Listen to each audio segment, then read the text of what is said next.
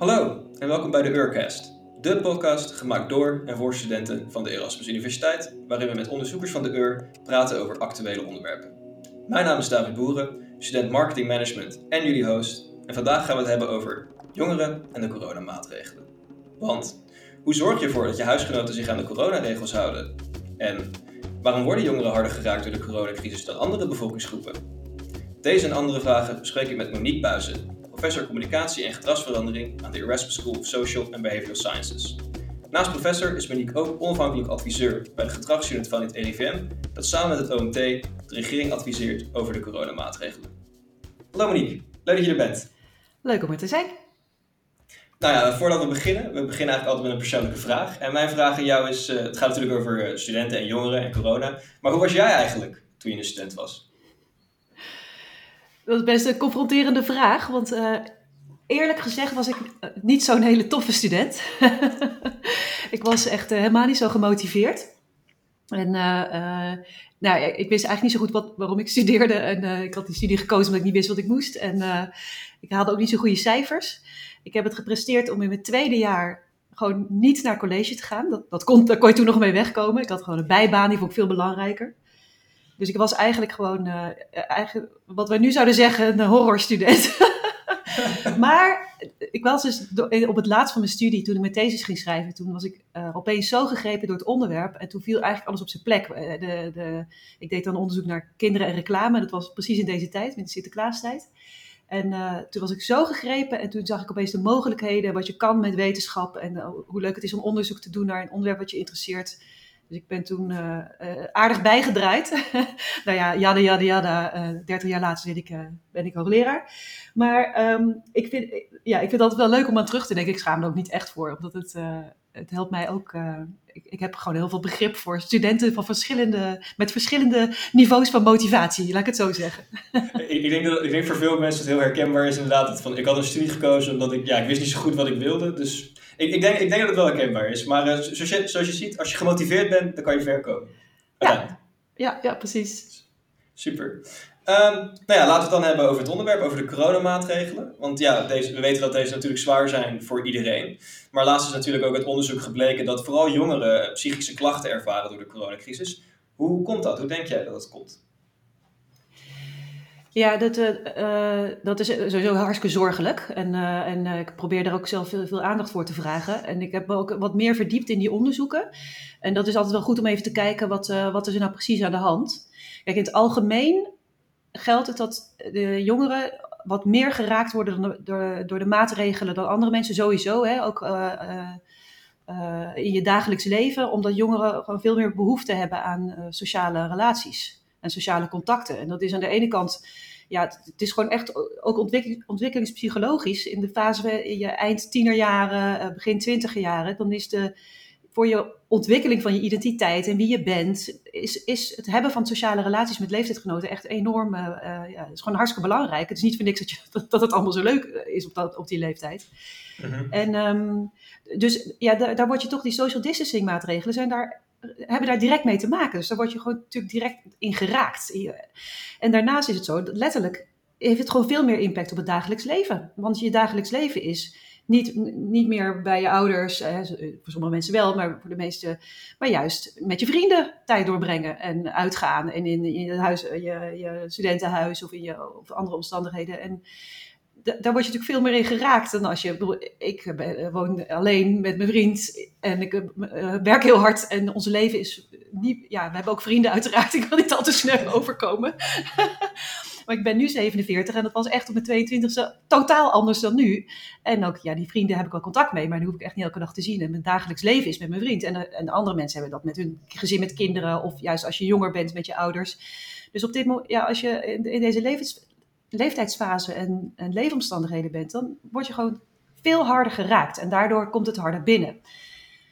Um, maar dan heb je het nog niet over psychische, echt psychische problemen. Maar in die onderzoeken die we zien, die gaan dan over mentaal welzijn. En dan zie je het algemeen dat dat gemiddelde dus echt gezakt is. En dat het ook erg, dat is bij iedereen wel een beetje zo. Maar bij jongeren dus inderdaad erger dan bij oudere leeftijdsgroepen. En uh, dat lijkt te komen, het is gewoon niet voor iedereen. Sommige groepen hebben er veel meer last van dan andere. En uh, wat ik heel verrassend vond, ik heb serieus een rondje zitten bellen vorige week, omdat ik, had in de Tweede Kamer een gesprek hierover. En uh, toen heb ik een rondje zitten bellen over collega's die er onderzoek naar doen. En toen kwam er eigenlijk een beeld voren wat ik niet had verwacht. Maar is dat eigenlijk dat gemiddelde vooral naar beneden wordt gehaald door mensen die juist een heel erg actief en sociaal leven hadden, festivals bezoeken, uh, toch echt meer outgoing types, die daar dus nu extra in worden beperkt. Dus dan zie je eigenlijk dat dat, uh, die, die, het hele hoge gemiddelde van, van welzijn wat we hadden in Nederland, of die het hoge cijfer, dat dat daardoor een beetje naar beneden wordt gehaald. Nou, moet ik heel eerlijk zeggen, daar maken we dan wat minder zorgen om. Dat is gewoon super balen en dat moeten we serieus nemen en naar luisteren en, en oplossingen voor vinden. Maar ik denk van, nou, die, er zitten nog steeds, er zijn niet echt ongelukkig, maar er zijn ook groepen van uh, jongeren die, en dat zie je bij volwassenen ook, die er gewoon echt heel veel last van hebben. En last hebben van depressie en eenzaamheid. En dat is echt een groep waar, we, waar je aandacht aan moet geven. En ik denk niet dat die groep bij jongeren heel veel anders is dan bij, uh, dan bij oudere mensen. Behalve dan dus dat die behoefte aan sociale relaties en contact uh, groter is. Ja, ja, dat is inderdaad iets wat je vaak hoort. Inderdaad, die mensen die uh, nee, misschien net klaar zijn met de middelbare school dit jaar. Dat natuurlijk, die hadden al geen leuk eindfeest of die gingen niet uh, op een reisje naar Griekenland of waar dan ook. Ja. Uh, en die hebben nou ook geen introductieweek niet echt gehad waar ze kunnen doen wat ze willen. Dus die vallen eigenlijk in een soort zwart gat, om het zo te zeggen. Ja, en dan hoor je heel vaak, het is niet zoals ik me had voorgesteld. En dat, uh, en dat uh, hele oude mensen denken dan, nou ja, kom op zeg, uh, over een paar jaar is het weer voorbij en stel je niet aan. Maar het is gewoon, het is gewoon echt, ja, het dat is heel erg, want het is inderdaad een hele mooie fase van je leven, waar je ook al jarenlang andere mensen over hoort. Van nou, dan is het, hè, dan heb je alle vrijheid en nog niet de verantwoordelijkheden. En dan ziet het opeens allemaal zo anders uit. En begin je aan een studie waar je nauwelijks nog je docenten of je medestudenten hebt gezien. Ja, ik kan, dat kan me heel goed voorstellen. Dat, dat, dat, dat is gewoon heel teleurstellend. Ja, precies. En eh, vind je dan misschien ook dat jongeren te zwaar aan worden gepakt in de publieke opinie? Want vooral na de zomervakantie natuurlijk waren veel berichten over hoe de jongeren het hadden gedaan, om het zo te zeggen. En ook wat je al zei over de ouderen die zeggen, kom op, het is bijna voorbij. Is er misschien iets te, te, weinig begrip soms? Absoluut. Dat, dat, ja, dat, echt, dat, dat is helemaal waar. En uh, uh, dat vind ik ook echt heel erg. Het was um, eigenlijk vanaf begin af aan werd meteen, dus in maart al, werd al uh, gepraat over, oh, de jongeren, dat wordt een probleem. Want die houden zich niet aan de regels. En, die, en toen hebben wij eigenlijk meteen, uh, ik heb een netwerk in Nederland met uh, jongerenonderzoekers, meteen naar de bel getrokken. Ook, ook serieus, meteen een advies naar de, naar de overheid gestuurd, van, ook in die persconferenties. Let daar nou mee op, want het is, het is gewoon niet terecht. Want je, je, je spreekt dus eigenlijk een hele bevolkingsgroep aan op uh, een paar uh, mensen die je hebt gezien. Of, uh, want dat, dat, dat is dan vaak aan de hand. Dan hebben ze zelf kinderen die, die wat achterloos zijn. Of, dat, dat, dat is eigenlijk generaliseren wat je sowieso niet wil.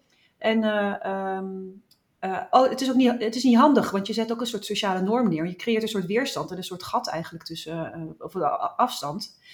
En, toen werd daar eigenlijk serieus wel naar geluisterd. Die persconferentie werd ook uh, wat vriendelijker. En op een gegeven moment werd er zelfs ook uh, gezegd van nou, uh, jongeren, jullie, jullie ook jongeren, want ja, de ene keer gaat het over tieners, dan weer twintigers, dan weer dertigers, maar goed. Um, jullie doen het goed en, en breng, als je ideeën hebt, kom maar door, dat soort dingen. Maar toen in de zomer ging het echt weer mis. Want toen kreeg je natuurlijk die, uh, uh, de, de beelden van de feestende jongeren op vakantie. En die over elkaar heen buitelden en bij elkaar op schoot zaten, weet ik veel wat. En, uh, en dan had je inderdaad ook zo'n ingezonde brief van een oude knar. Even zonder, respectloos gezegd. Die zei, nou, we hebben de oorlog meegemaakt. Vermanje. En, en toen hebben we ook echt ingegrepen, ook zelf heel erg de media opgezocht. En, um, om een wat genuanceerder beeld te laten zien. En ook weer echt laten zien. Want wij hadden toen inmiddels onderzoek gedaan met RIVM en ook uh, op de universiteit met uh, onder Rotterdamse jongeren en studenten. En we zagen gewoon een heel ander beeld. We zagen echt dat. Uh, 80%, 85% wilde zich echt heel graag aan de regels houden. En, um, en deed dat ook.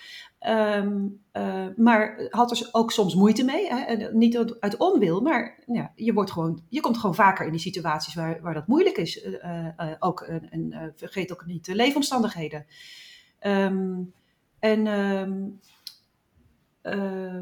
en wat ook nog eens zo is, die jongeren, die, die feestende jongeren, want ik ga niet bagatelliseren, want ik denk dat er ook echt heel veel dingen verkeerd gaan, zowel bij in alle leeftijdsgroepen. En om nu nog een groot feest in Nederland te gaan organiseren en uh, daarheen te gaan, dat is gewoon niet zo slim.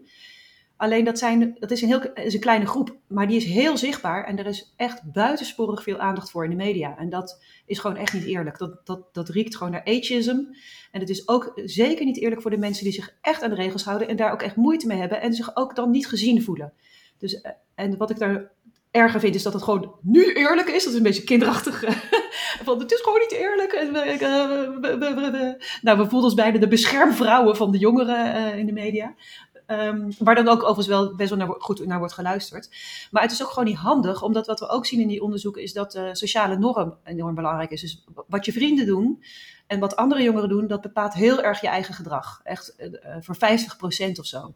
Dus als je dan in de media de hele tijd laat zien naar alle jongeren die feesten erop los, ja, dan denkt iedereen van, oh, oh is dat, uh, dat is blijkbaar normaal. Nou, dan uh, laat me zitten met die regels, even overdreven gesteld. Dus het is ook strategisch gewoon niet handig. Nee, ja, ik begrijp dat wel. Want ik, ik, ik denk inderdaad, die jongeren die dan zoveel moeite hebben, zoals je zegt, die dan toch er zich er wel aan houden. Maar ja, er is een sociale norm.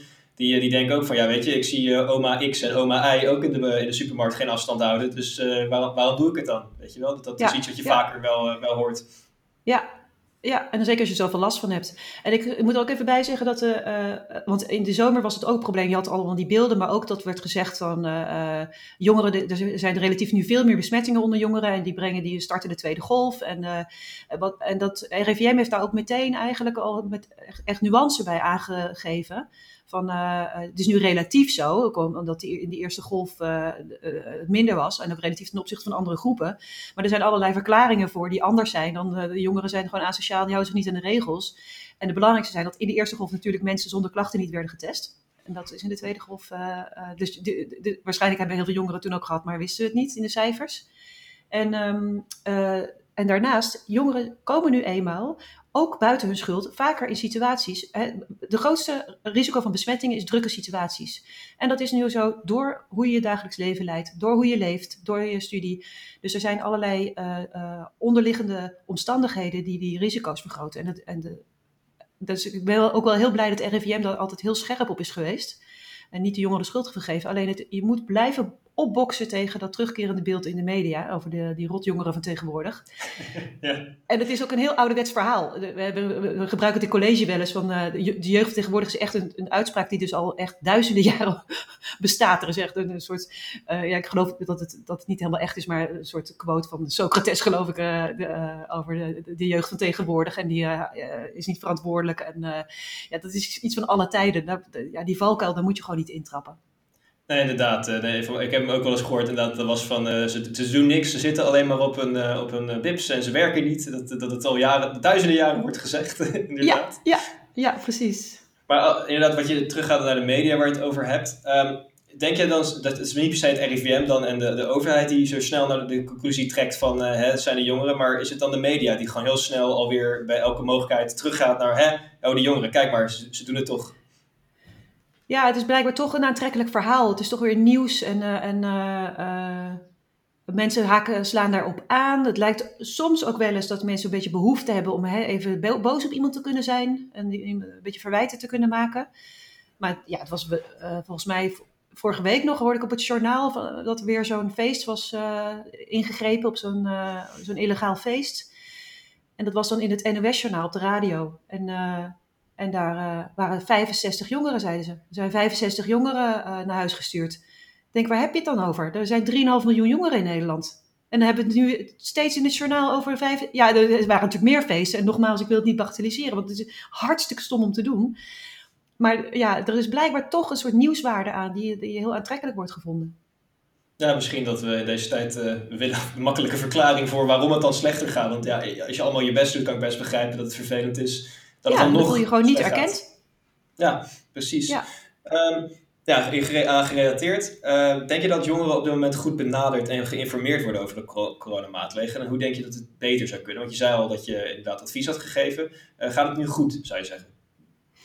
Ja, nee, daar krijgen we ook meteen de andere kant van het verhaal, want er is ook gelukkig nu veel aandacht voor. Gelukkig, ja, wel de vervelende aanleiding, maar dat het welzijn dus wat lager is. Uh, de, overheid heeft de laatste maanden echt ontzettend zijn best gedaan om jongeren meer te betrekken. Dus zowel bij het beleid als bij de communicatie. Dus je hebt de Nederlandse Jeugdraad, Jongerenraad heet geloof ik. en dan de voorzitter Maurice. En die is heel actief betrokken. Daar is echt een aparte raad voor corona-advies en jongeren opgezet. En die, zijn echt, die zitten echt aan tafel met de grote jongens, ook bij het beleid. En want uh, beleid is deels communicatie, maar deels ook hoe, hoe wat is je inspraak als we de regels gaan bedenken. En um, uh, de communicatiecampagne, daar was natuurlijk in het voorjaar is er heel snel een campagne opgezet. Waar ook wel meteen onze adviezen aardig zijn gebruikt. Dat ging al best aardig.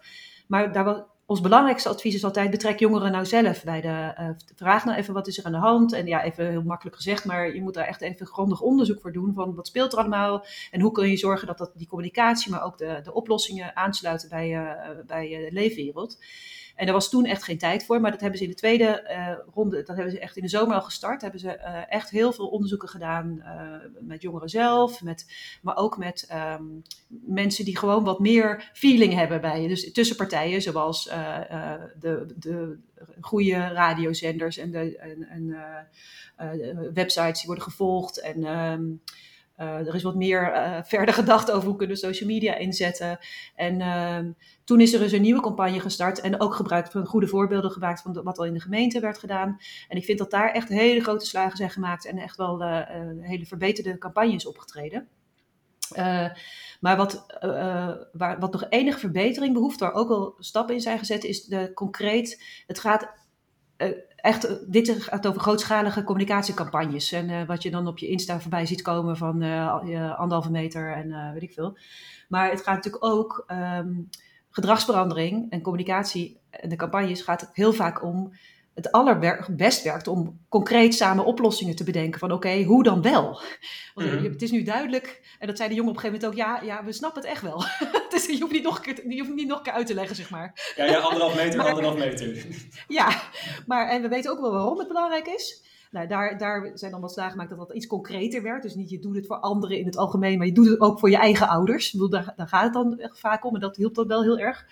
Um, maar ook uh, uh, de, de, hoe, hoe kan ik nou toch mijn leven leiden? Hè? En waar we het net over hebben, dat, die fantastische jaren um, waar ik mijn vrienden wil zien. En hoe kan je dat nou doen op een veilige manier, zonder dat je er al te veel uh, in, in afgeremd wordt? En want er zijn natuurlijk heel veel oplossingen te bedenken. En, um, uh, en daar, daar moet, kan je dus concreet samen over in gesprek. Oké, als je dit hier behoefte aan hebt, dat, uh, dan, dan, kunnen we je daar wel misschien bij helpen. En er zijn dan wel een paar hele goede voorbeelden van. En een van de hele leuke voorbeelden vind ik dat uh, er was een, uh, een bioscoop in Tiel. En die is um, helaas failliet gegaan door de, door de maatregelen. Zo'n kleine onafhankelijke bioscoop, dus dat was heel sneu.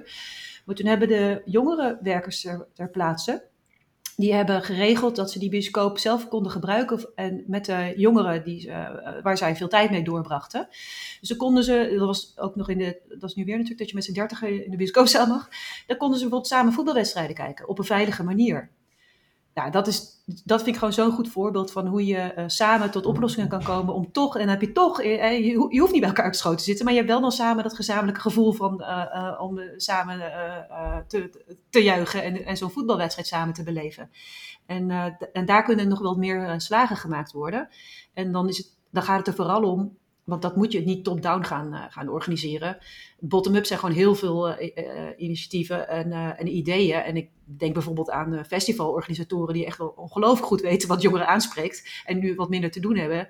En stimuleer die dan of nodig die uit om, um, om oplossingen te bedenken. En dan koppel dat aan een leegstaand congrescentrum. En kijk eens of je dat kan inrichten op een hele toffe manier. Waar je wel afstand kan houden. In tegenstelling tot de keuken thuis waar je met tien man samen moet koken. Dus, ja, dus er dus zijn best wel mogelijkheden eigenlijk dus. Er zijn heel veel mogelijkheden, ja. En er gaan best heel veel wilde ideeën eronder. Uh, ik heb ook een collega van mij uit Amsterdam, van de UvA, die, uh, die zei op een gegeven moment, weet je, moeten we niet gewoon helemaal om gaan draaien? Moet je de universiteit, want nu houden we de studenten af van de universiteit. Ze mogen uh, één dag in de week komen, of, of, misschien wel soms helemaal niet. En, maar dat is juist de veilige omgeving, veiliger dan thuis vaak. En ook waar ze dan toch die sociale contacten kunnen hebben en, en dan toch een beetje, ja, ook de, de, de, gelegenheid hebben om die afstand te houden. En zei, waarom draai ik niet helemaal om? Zetten we die universiteit gewoon helemaal open voor studenten en laten we de docenten thuis.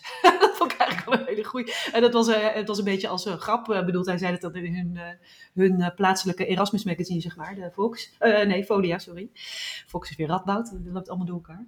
Maar um, dat soort ideeën, dat vind ik, dat omdenken, dat is natuurlijk wel, dat is gewoon heel erg leuk en, en, en zinnig. En, en uh, ja, dat zou het, uh, die ideeën zijn er wel, die, maar die kunnen echt wat meer gestimuleerd worden. En uh, die, die geluiden zijn er ook wel dat dat meer gaat gebeuren.